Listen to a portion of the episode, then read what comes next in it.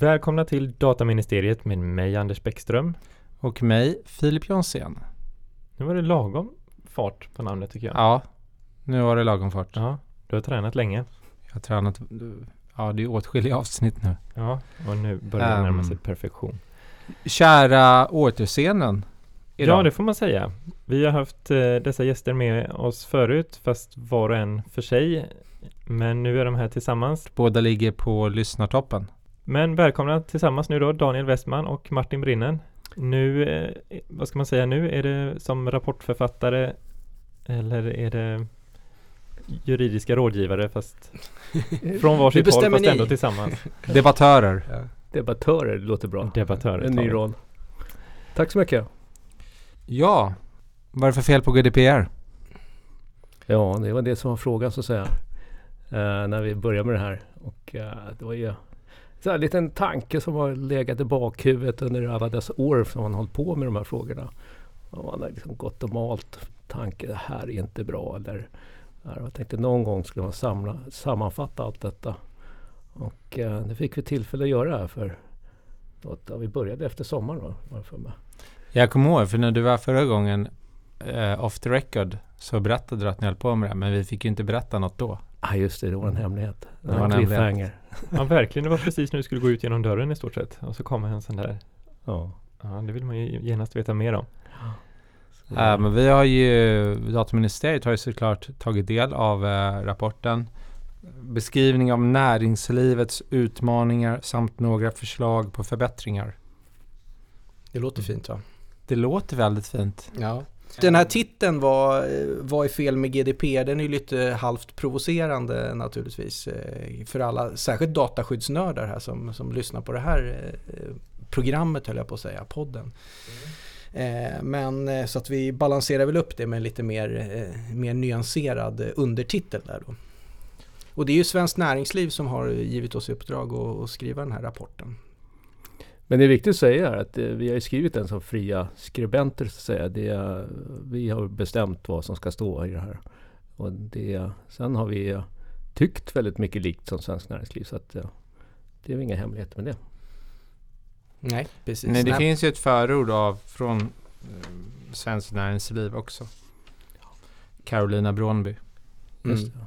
Precis. Nej precis. Nej, men och det, det har ju varit väldigt viktigt för oss. För jag menar, både Martin och jag tycker ju i grunden att liksom, dataskyddet och det är en av slutsatserna som det är uppbyggt. Alltså det, det, det, i de stora dragen är det så att säga, en, en- en, rimlig och lämplig reglering. Men eh, så att det är vår utgångspunkt och, och, och utgångspunkten är inte att försämra skyddet för, för enskilda på något sätt utan det är att, att, att rätta till en del problem som finns eh, med, med dataskyddslagstiftningen som kanske inte heller skapar en så att säga, bättre effekt för den enskilde. Det, det, det är de sakerna vi är inriktade på i det här arbetet.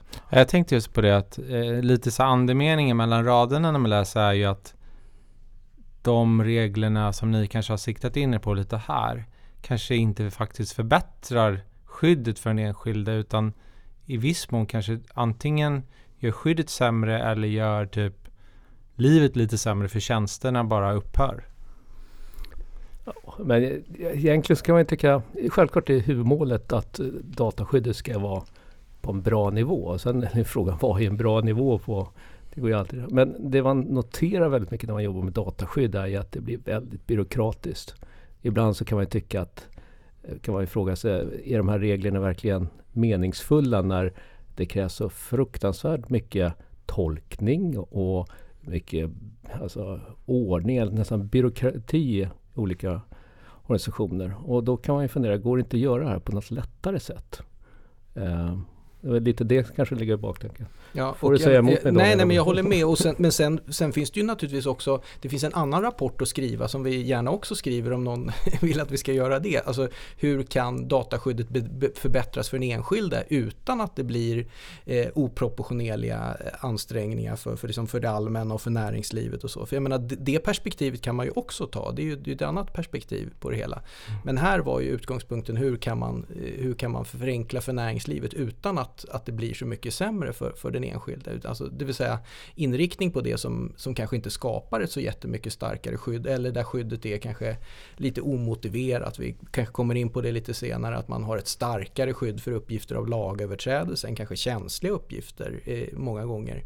Och är det verkligen motiverat? Så är, det, är det rimligt eller är det snarare så att man kanske har missat att införa rätt att hantera uppgift om lagöverträdelse eh, där det borde finnas? Det är liksom ett exempel. Det är ganska bra exempel för om man tittar ut lite grann så i andra länder har man ju utnyttjat möjligheten att eh, införa nationell lagstiftning när det gäller just eh, eh lagöverträdelse eller brottsuppgifter. Jag menar vi har i Norge ser det annorlunda ut. Eh, Storbritannien eh, ser det helt annorlunda ut. Eh, och vissa andra länder också. Där, där vi, vilket jag tror lite grann bygger på historiska skäl, att vi har haft sett väldigt restriktivt på det här. Vi hade tankstoppmålet och alla de andra. Mm. Och det ja, var vi inne med när, när, du var här förra ja, gången. Ja, just det. Precis. Det är lite mitt favoritämne sådär. Men det är lite lustigt just när vi pratar om uppgifter om lagöverträdelse. Eller jag har börjat använda uppgifter om brott, för det är det det handlar om. Mm. I det långa namnet så står det dataskyddsförordningen helt ogörligt att använda. Men eh, alltså, jag började häromdagen när jag skulle prata om det här att eh, gå tillbaka och säga hur kommer det sig att vi har så, eh, så restriktiv policy på det här? Och började titta tillbaka på datalagen, är det därifrån det kommer? Och utan, jag hann inte gå i djupet där, men alltså, då var det ju så att det krävdes i många fall tillstånd för att ha dataregister personregister. Och eh, då var det olika nivåer. Så att eh, normala register kunde man få under vissa förutsättningar. Men om det var lagöverträdelse skulle det vara särskilda skäl, synliga skäl. Eller sånt där.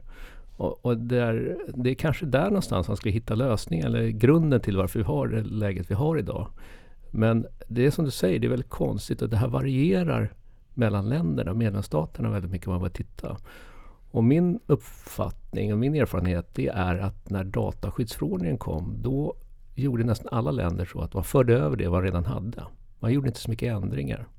Och det är lite olyckligt för där hade man verkligen tillfälle att försöka harmonisera uppgift, eller alla lagar och bestämmelser på nationell nivå också. Mm. Ja, och det var ju, mycket berodde väl på helt enkelt att det var ont om tid. Eh, jag kommer ihåg de direktiv som var till dataskyddsutredningen var ju väldigt mycket så eh, att, att eh, föra över det som går att behålla, de liksom befintliga balanserna mm. liksom, och lägg kraft på det som så säga, måste utredas och som är nytt. Mm. Eh, men det gör ju att det kanske finns eh, ett behov nu, som, som vi skriver i rapporten, att gå tillbaks och, och liksom ompröva vissa saker eh, redan nu. Eh, därför att man han inte riktigt gå till botten med så att säga, behovet av inskränkningarna och, och titta brett på det och, och, höra till exempel näringslivet eller, eller eh, offentliga sektorn när det gäller liksom, de behov som finns. Utan, utan det här är nog någonting som man, eftersom man har en väldigt heltäckande långtgående lagstiftning som är restriktiv men sen har man vissa bestämda inskränkningar. Då finns det ju ett behov av att se över de här inskränkningarna och de behov som finns där eh, lite mer regelbundet. Att, men visst var du expert i den utredningen? Ja, jag var med där. Och, nej men, och jag menar, jag får ta på mig en del av ansvaret. Mm. Men, men som sagt var en, en, viktig, en viktig del av eh, direktiven var ju just det här att eh, så att säga, eh, föra över de intressebalanser som inte bestäms uttryckligen att förordningen eh, så att säga, kräver att vi gör någonting annat. Och det kan man ju diskutera varför man fick det, om det var bara av så att säga eh, tidsmässiga praktiska skäl eller om det var att man så att tyckte att de, alla de intressebalanserna var bra. För det är klart att eh, det, det, kan man ju diskutera, det finns olika uppfattningar. Jag uppfattar det mer som ett så att säga, arbetsmässigt praktiskt ställningstagande vid den tidpunkten. Men känner du att du inte fick gehör för alla dina åsikter? Eller har du bytt lite grann åsikt? Eftersom du nu skriver den här lite kritiska texten. Nej, alltså jag, jag tycker väl att eh, de, de frågorna som var uppe där, då var det ju, man kan säga att just det här med uppgift om lagöverträdelse till exempel, då var ju inställningen att eh, det hade precis nyligen kommit det här berömda tankstoppmålet från Högsta förvaltningsdomstolen. Då var ju kanske inställningen i utredningen lite grann att det är svårt att eh, nu har man tolkat det här begreppet som är samma begrepp i, i personuppgiftslagen som, som, som i, i dataskyddsförordningen eh, att göra så att säga, en mer kreativ tolkning av det eller att, att, så att säga, gå ifrån den här väldigt restriktiva praxisen eh, så, så tätt inpå. Eh, med, Medan det då skedde, tror jag, en hel del lobbyinsatser efter utredningen kom och eh, då kom ju de här uttalandena i, i propositionen där regeringen så säga, utan så mycket underlag säger då att jo men det finns anledning att vara mer liksom, generös med de undantag eh, fr från förbudet att behandla uppgift om lagöverträdelse och kanske också ifrågasätter, är det givet att beskrivning av faktiska skeenden, att det är en uppgift om lagöverträdelse och sådana saker. Så att eh, nej men all, alla, har, alla som har varit inblandade har ju, har ju ett visst ansvar men, men delvis beror det på att direktiven var inriktade på att, så att säga, göra på det här sättet. Mm. Men den här rapporten är, jag tror den är 34 sidor eller, eller liknande. Om ni, ja, om ni får välja de ett var, så här, vad är fel på GDPR? Top one från Daniel? ja, svårt vad som är... Alltså, vi, vi, säger den, den, stora grejen vi säger är att på det hela taget så fungerar mycket bra. Men det som, det, det som behövs är ju eh, att det behövs mer vägledning. Det är väl den, den, den stora grejen. Eh, att det är svårt, säger vi, att att med lagstiftning rätta, rätta ut alla o, liksom, osäkerheter utan det behövs, det behövs mer vägledning. Och den faller sen ner i olika, eh, vem ska ge den här vägledningen diskuterar vi ganska mycket för att vi har ju sett det finns ofta ganska oförenliga önskemål här också har vi sett när vi pratar med folk också. Å ena sidan vill man ha tydlig vägledning på nationell nivå om man vänder sig till Datainspektionen. Å andra sidan så blir man väldigt upprörd när det kommer vägledning i olika länder som ser ut på olika sätt. Och det är klart att här finns det en ganska stor spänning som vi diskuterar mycket i olika sammanhang när vi försöker föreslå saker. Att vi, vi vill inte, vi vill inte eh, liksom kasta ut barnen med badvattnet utan vi, vi vill försöka balansera de här intressena då. Så stor harmonisering samtidigt vägledning. Så att, Ja, jag håller med. Men det, det finns en aspekt som man inte tänker på egentligen. att eh, det hade ju varit lämpligt om man på något sätt hade harmoniserat den nationella kompletterande lagstiftningen. Det hade ju varit bra. I vissa fall kanske det är så att det är motiverat att man har olika regler i olika länder. För det finns ändå rätt stora kulturella skillnader mellan medlemsstaterna. Och då får man kanske leva med att det är olika regler. Men ett alternativ, vi har ju ett avsnitt där vi pratar om vad finns det för verktyg man skulle kunna använda. Alltså ett, det första skulle kunna vara att liksom ge, göra ändringar i dataskyddsförordningen det tror jag, det finns, det finns saker som bör ändras i dataskyddsförordningen men det är också på mycket längre sikt. Eh, och det pågår ju för sig. Kommissionen har ju satt igång ett eh, översikt, eh, översynsarbete där. Men sen så kan man ju tänka sig att göra någonting på nationell nivå. Men däremellan så finns det också att man skulle kunna göra någonting på unionsrättsnivå.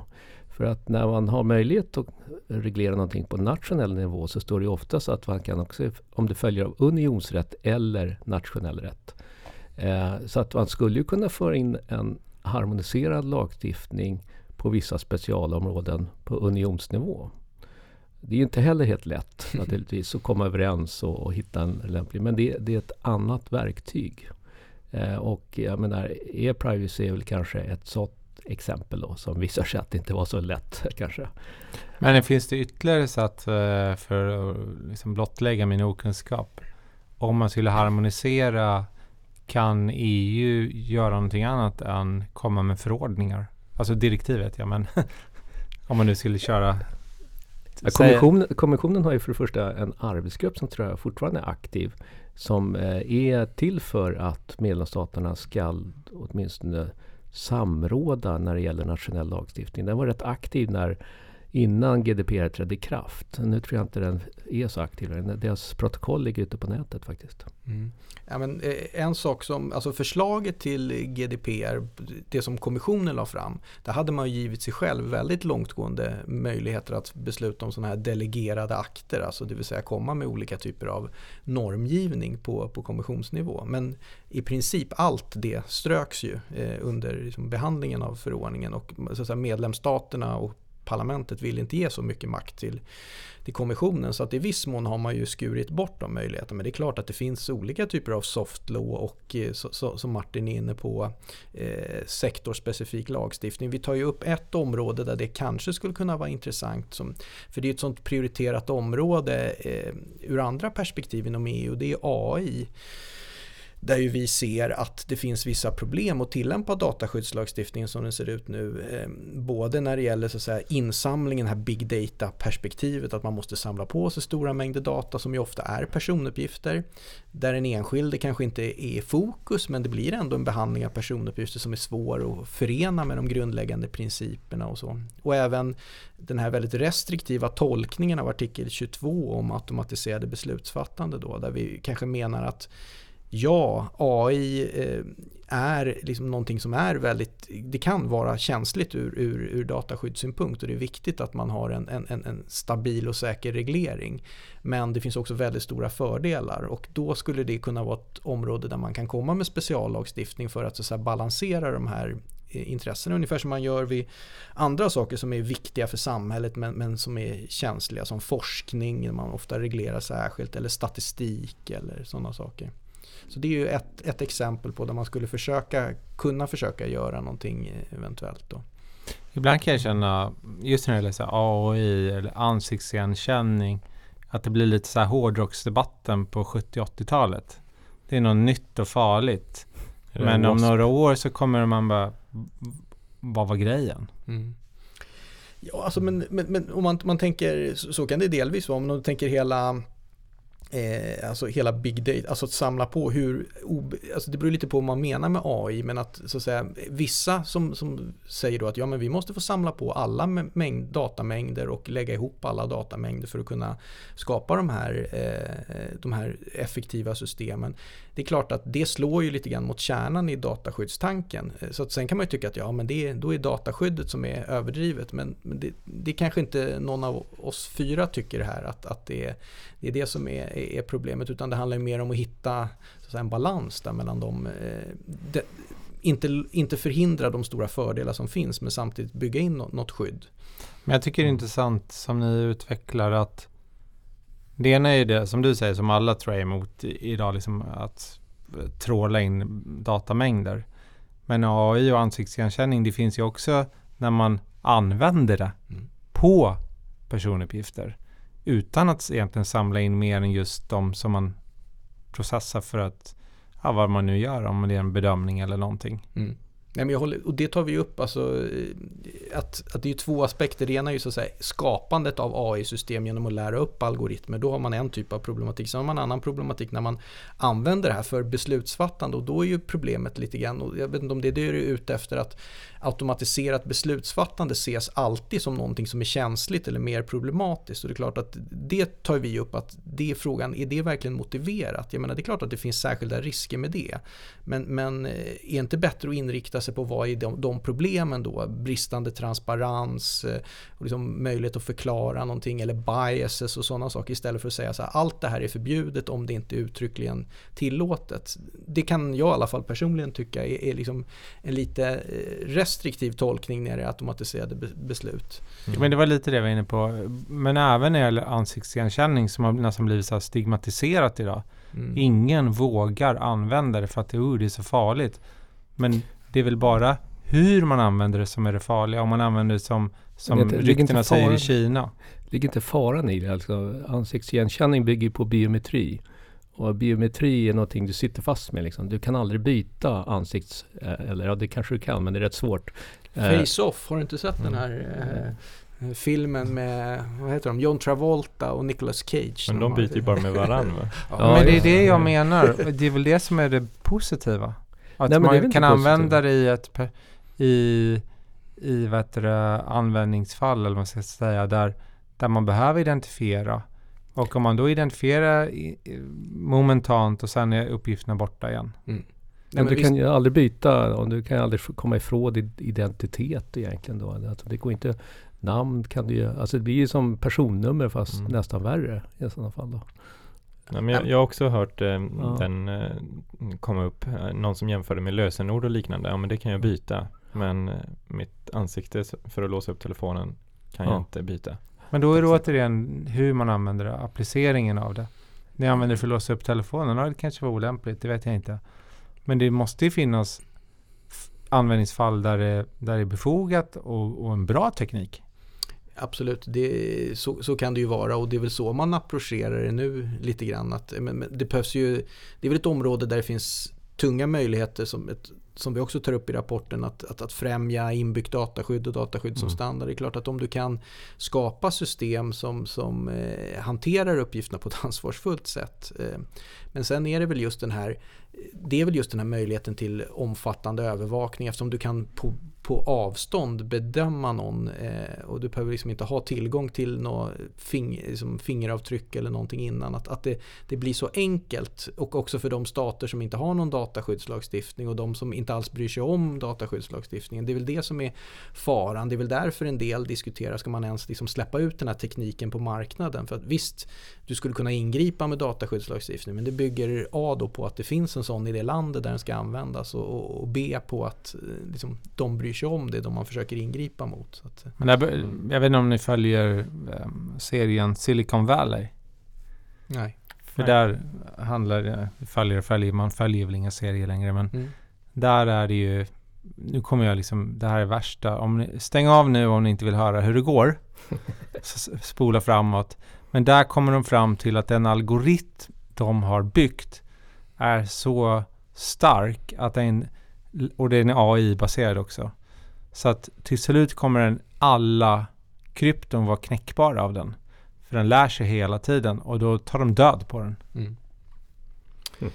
Ja, intressant. Ja, ja. Annars är ju det de här kvantdatorerna som ska ta död på, på kryptotekniken och så. Men det var, de vill inte släppa ut det i världen helt Nej. enkelt. Och då, Nej. Jag tycker det är svårt. Jag har inte tänkt klart när det gäller det här med, med ansiktsigenkänning. Men det är klart att det är väldigt, väldigt kraftfullt. Eh, Och det är, visst, det är klart att det kan användas till, till, till goda saker. Men det, det finns också stora risker i det. Eh, Så att, eh, en viss eftertänksamhet där tycker jag är, är klart befogad. Absolut. Mm. Jag tänkte på, om vi hoppar tillbaka lite grann, det här med vägledning och sådant. För där tycker jag att ni tar upp en intressant sak. För det som jag har fått intrycket av från Datainspektionens håll är att man gärna är lite försiktiga med att mm, publicera egen vägledning för att man vill stämma av med övriga innan och man vill vara väldigt, väldigt eh, säker medan ja, till exempel kanske då datatillsynet i Danmark eh, sticker ut hakan lite mer eh, och tar lite plats.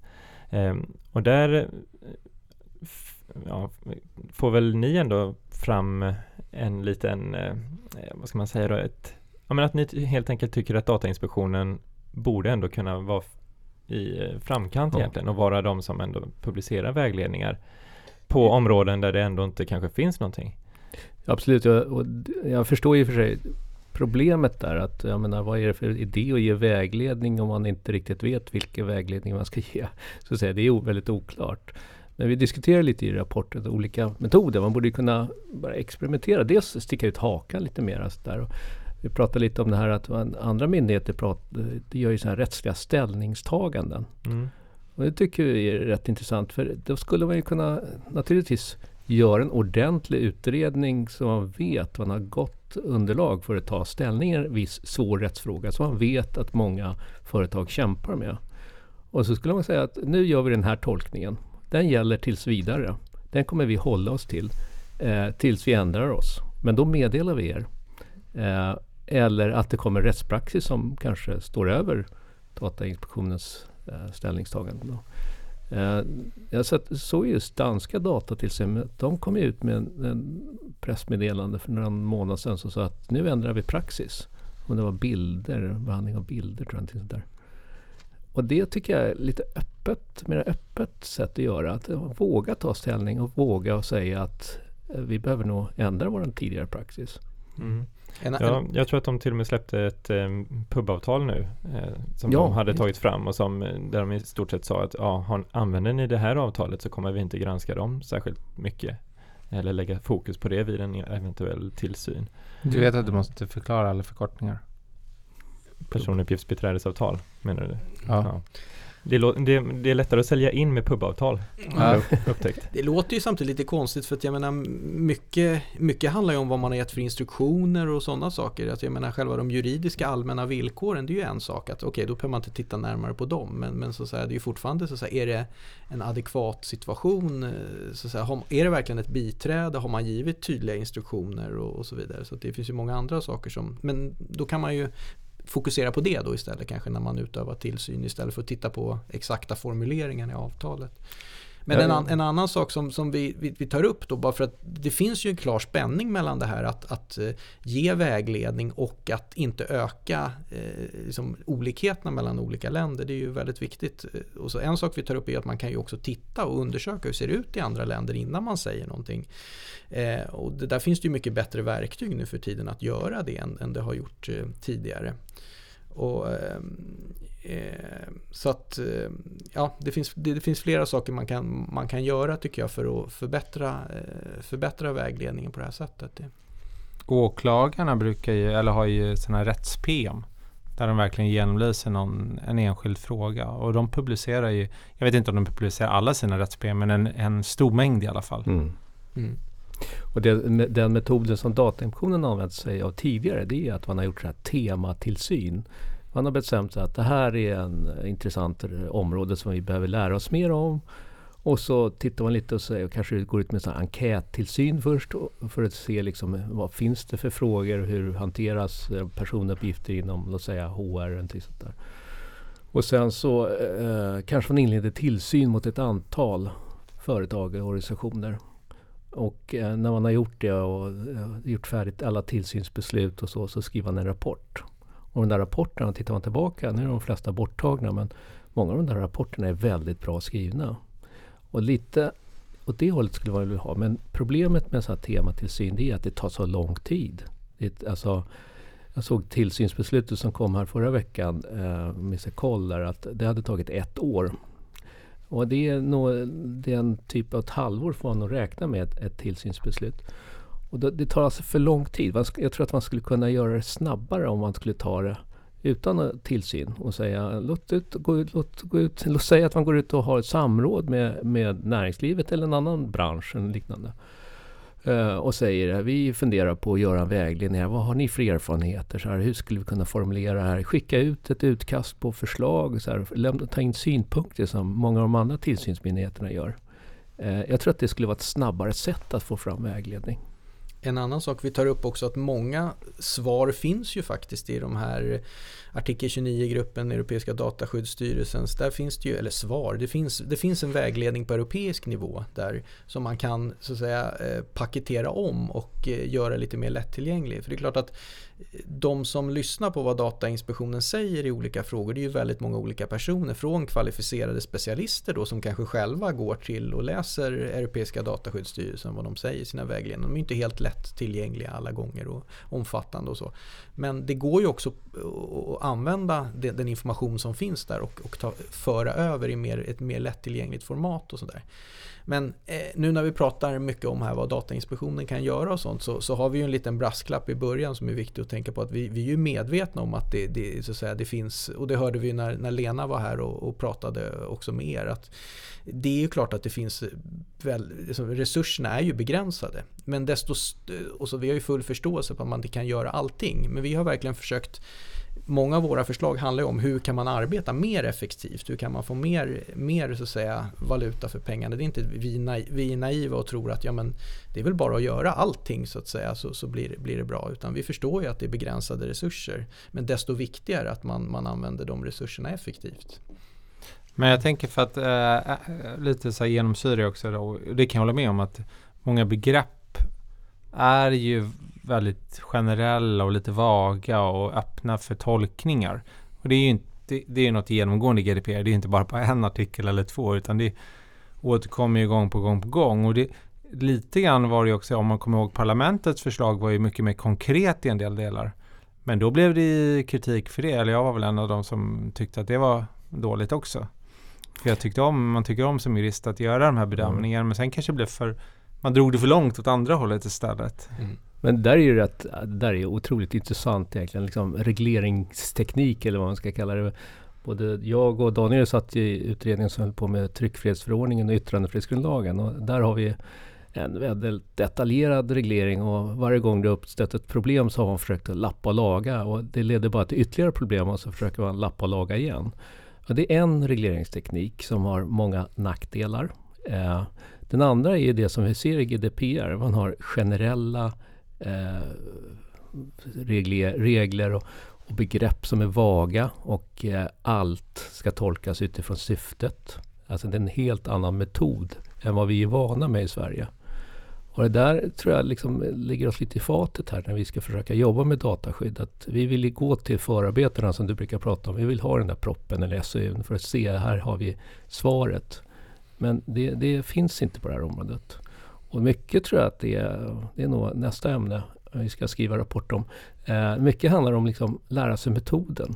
Mm. Hur, hur ska man tänka?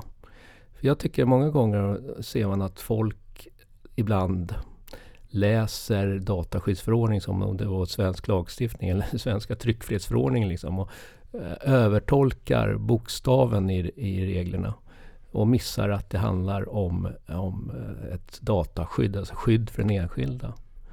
Ja, det är lite intressant. Och eh, på det har jag ett rätt bra exempel som jag tror vi nämner i rapporten där. Att vi förut var det ett tillståndsförfarande för eh, kameraövervakning. Och det var ett ramaskri att det var så jobbigt och det var så svårt att få tillstånd. Eh, nu har man avskaffat tillståndskraven i stora delar. Nu är, då uppfattar ju många det som att nu är det fritt fram. Där. Men nu är det tvärtom. Nu är det ju så att det som Datainspektionen gjorde, den bedömningen som Datainspektionen gjorde när man utfärdade tillstånd, den ska du själv göra nu. Vilket är jättesvårt ibland.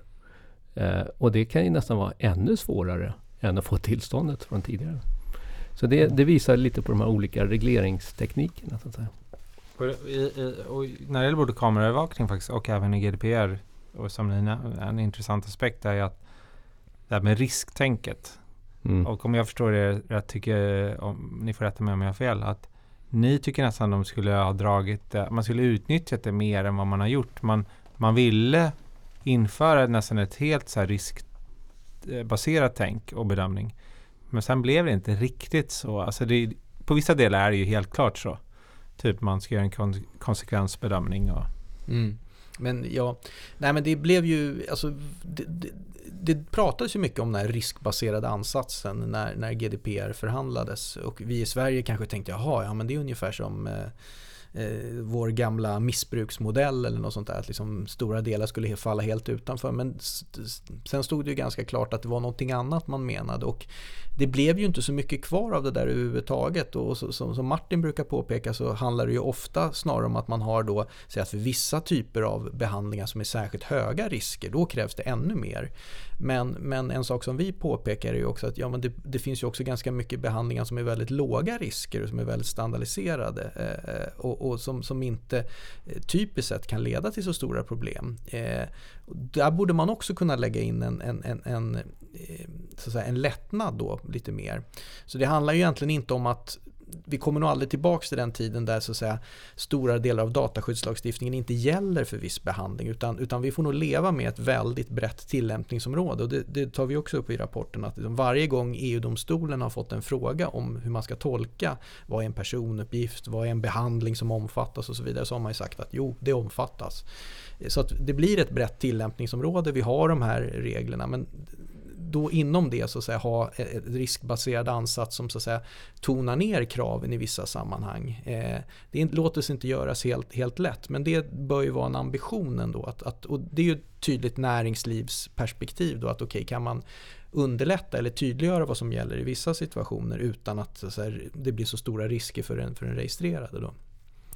Och när det gäller konsekvensbedömningar och de här risktänket det ställer ju, ja, men du var inne på det Martin precis, att man flyttade lite grann över ansvaret till den personuppgiftsansvariga att göra mm. olika bedömningar som är jätte, jätte, jättesvåra.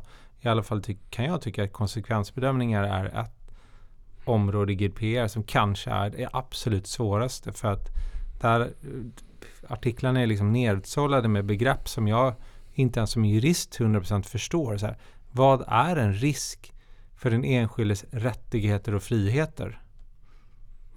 Det, det, är ett bra ämne och jag brukar säga att när man kommer till den frågan om man ska göra en sån riskbedömning. Då handlar det om att använda fantasin.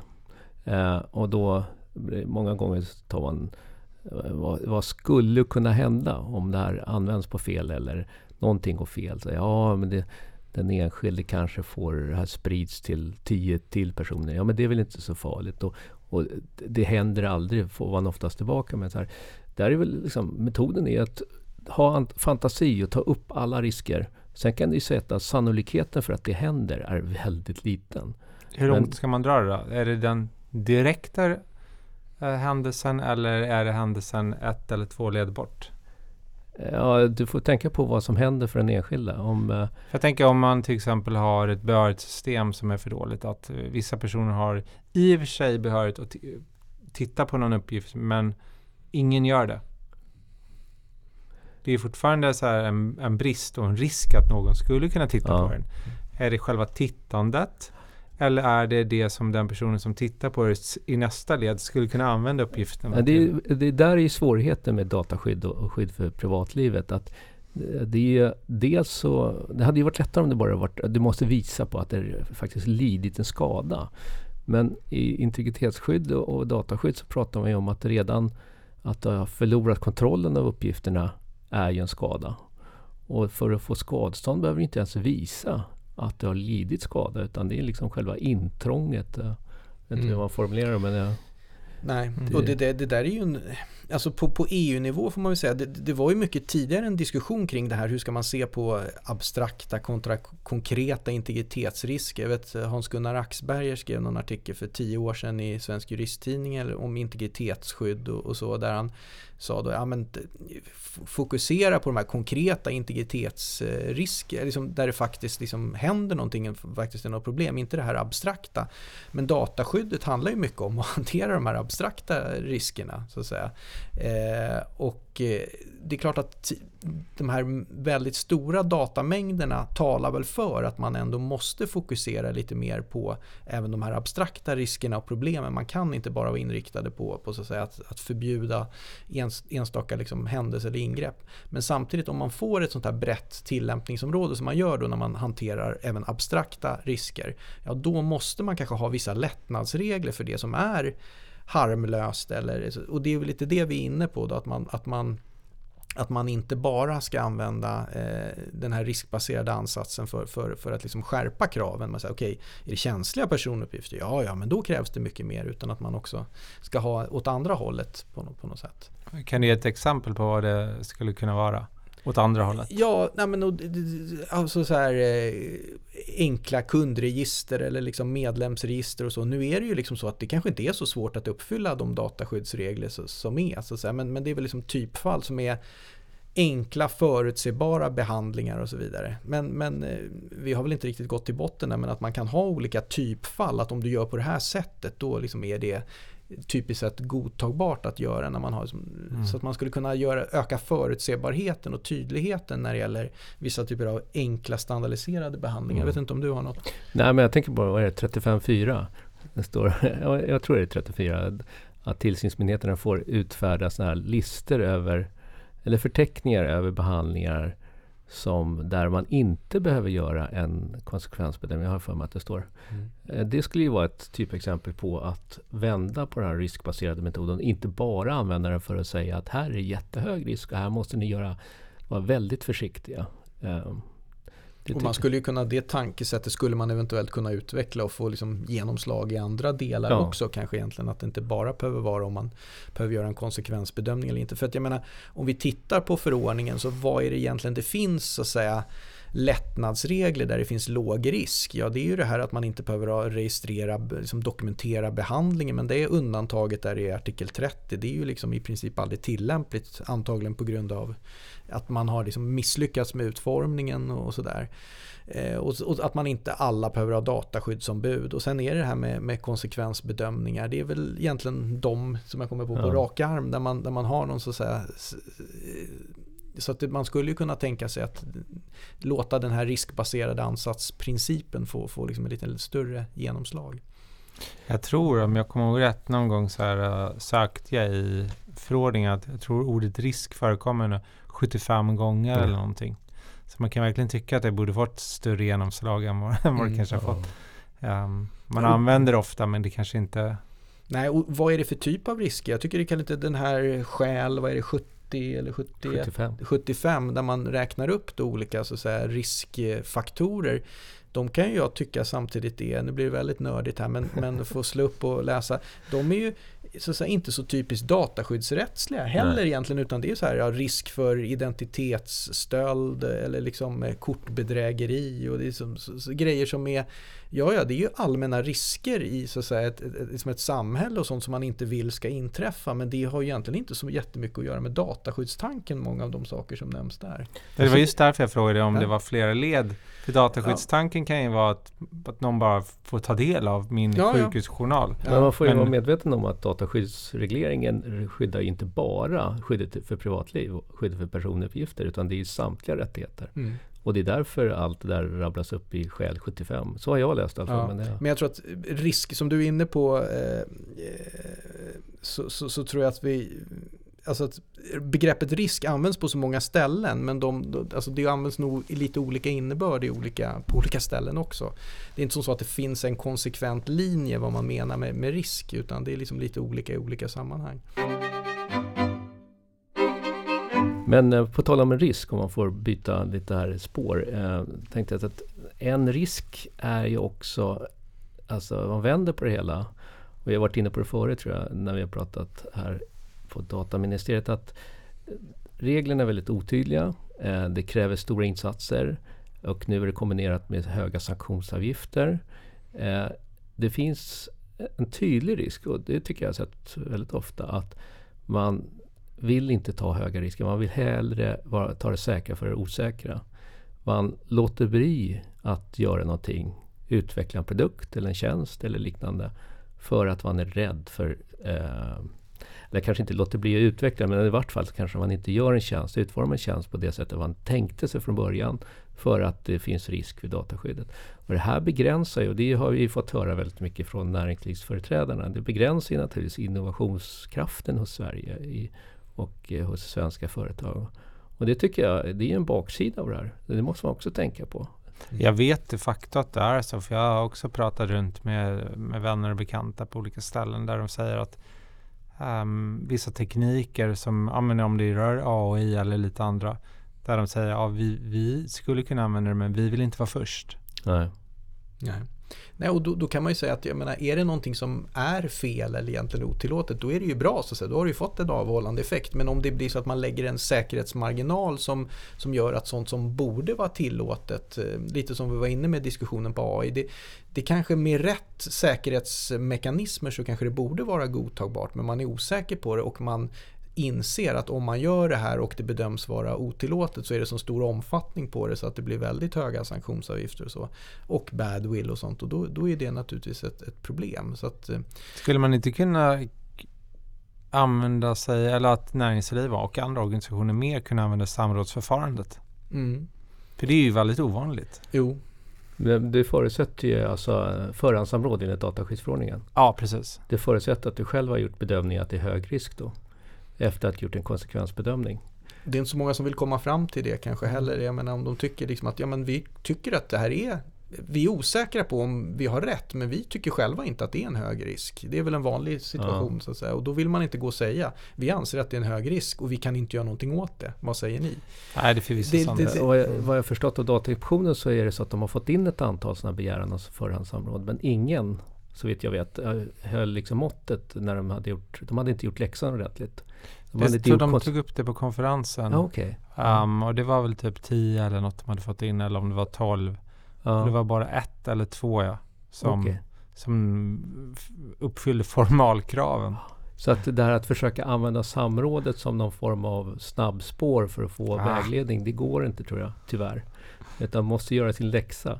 Men däremot kan man ju diskutera varför skulle man inte kunna få, alltså vi behöver ju bättre vägledning.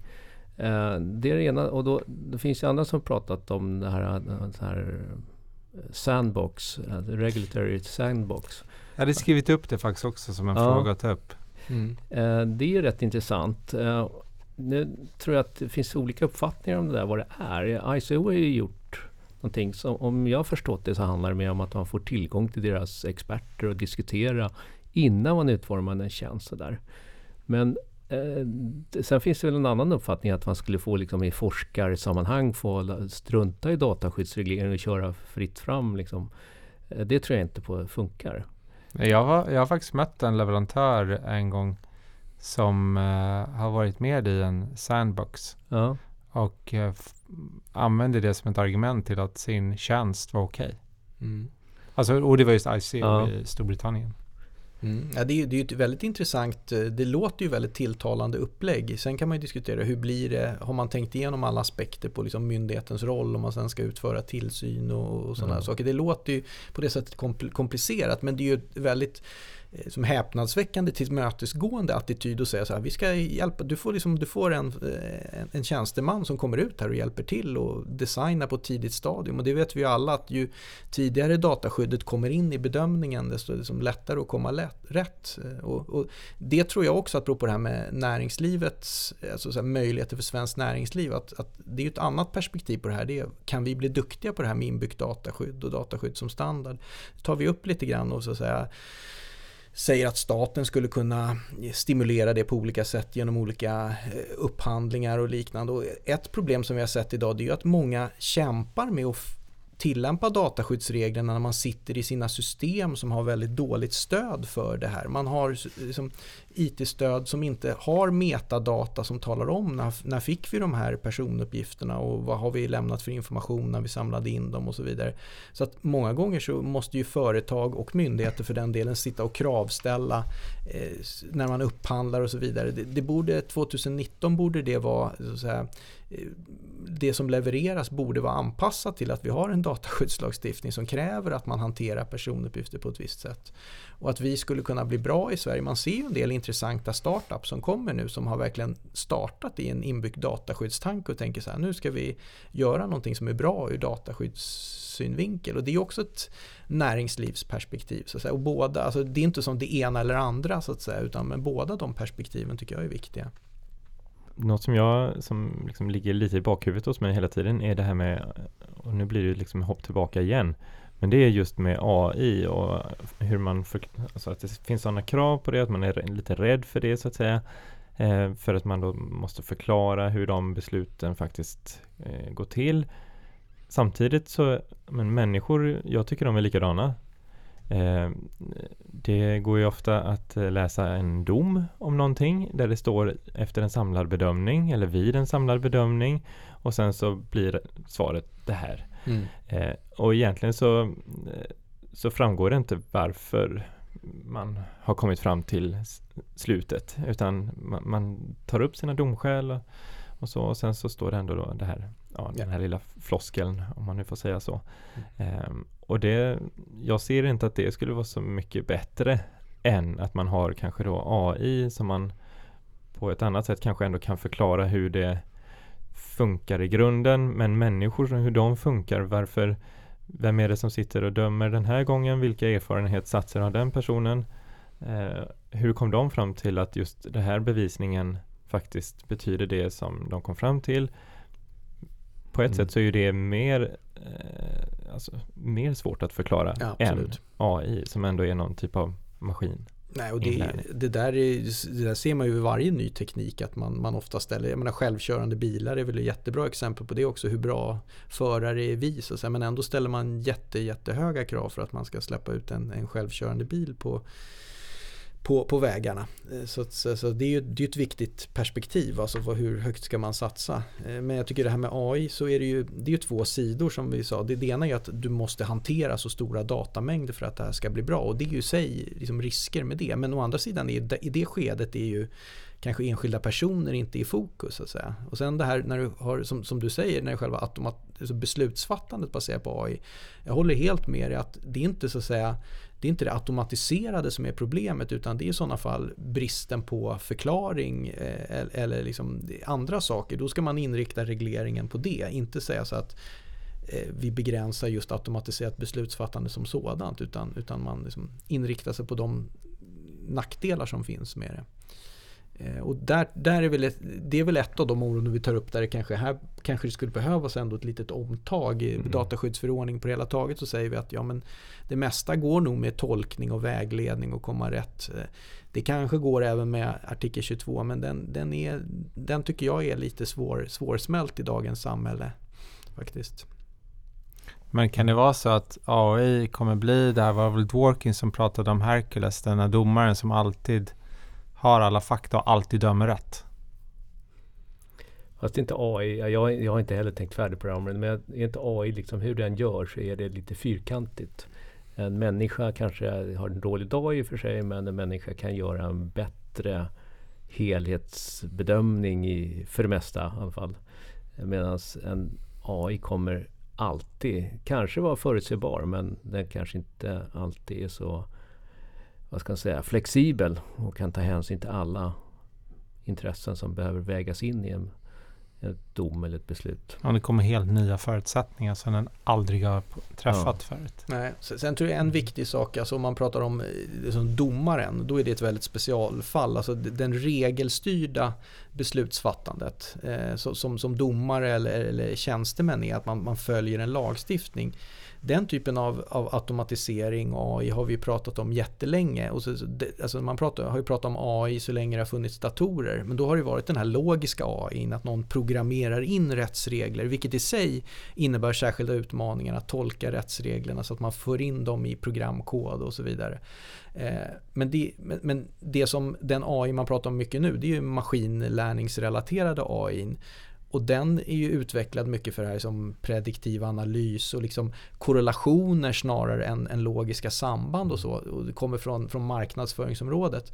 Där det, finns det ju en väldigt viktigt att man inte okritiskt lyfter in den typen av AI-applikationer i ett regelstyrt system. Liksom att man börjar tillämpa dem. Du kan inte sätta ett sånt system som domare för att eh, det baserar sig på, ja, typiskt sett i den här typen av situationer så brukar man döma på det här sättet. Men det är ju inte det man vill att ett, ett, en domar AI ska göra utan den måste ju vara processa vissa regler och se är de här rekvisiten uppfyllda eller inte.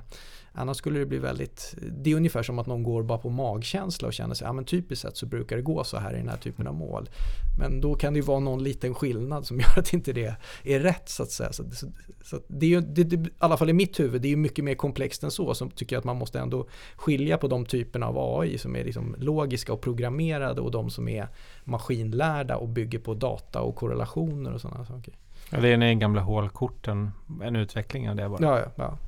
Visst. Det här är ju lite grann väldigt liksom tunt men vi, vi, vi, vill ju gärna att, alltså, sen kan man ju på varje sån här punkt kan man ju gå vidare och, och så säga leta efter förbättringsförslag och sådana här saker. Att man, man liksom ser lite grann som att och vi kastar ut lite bollar när det gäller eh, ja, branschvägledningar och liksom sådana där saker. Att man, ja, Nej men jag tänkte, för ni var ju inte de enda som har kommit med en liknande.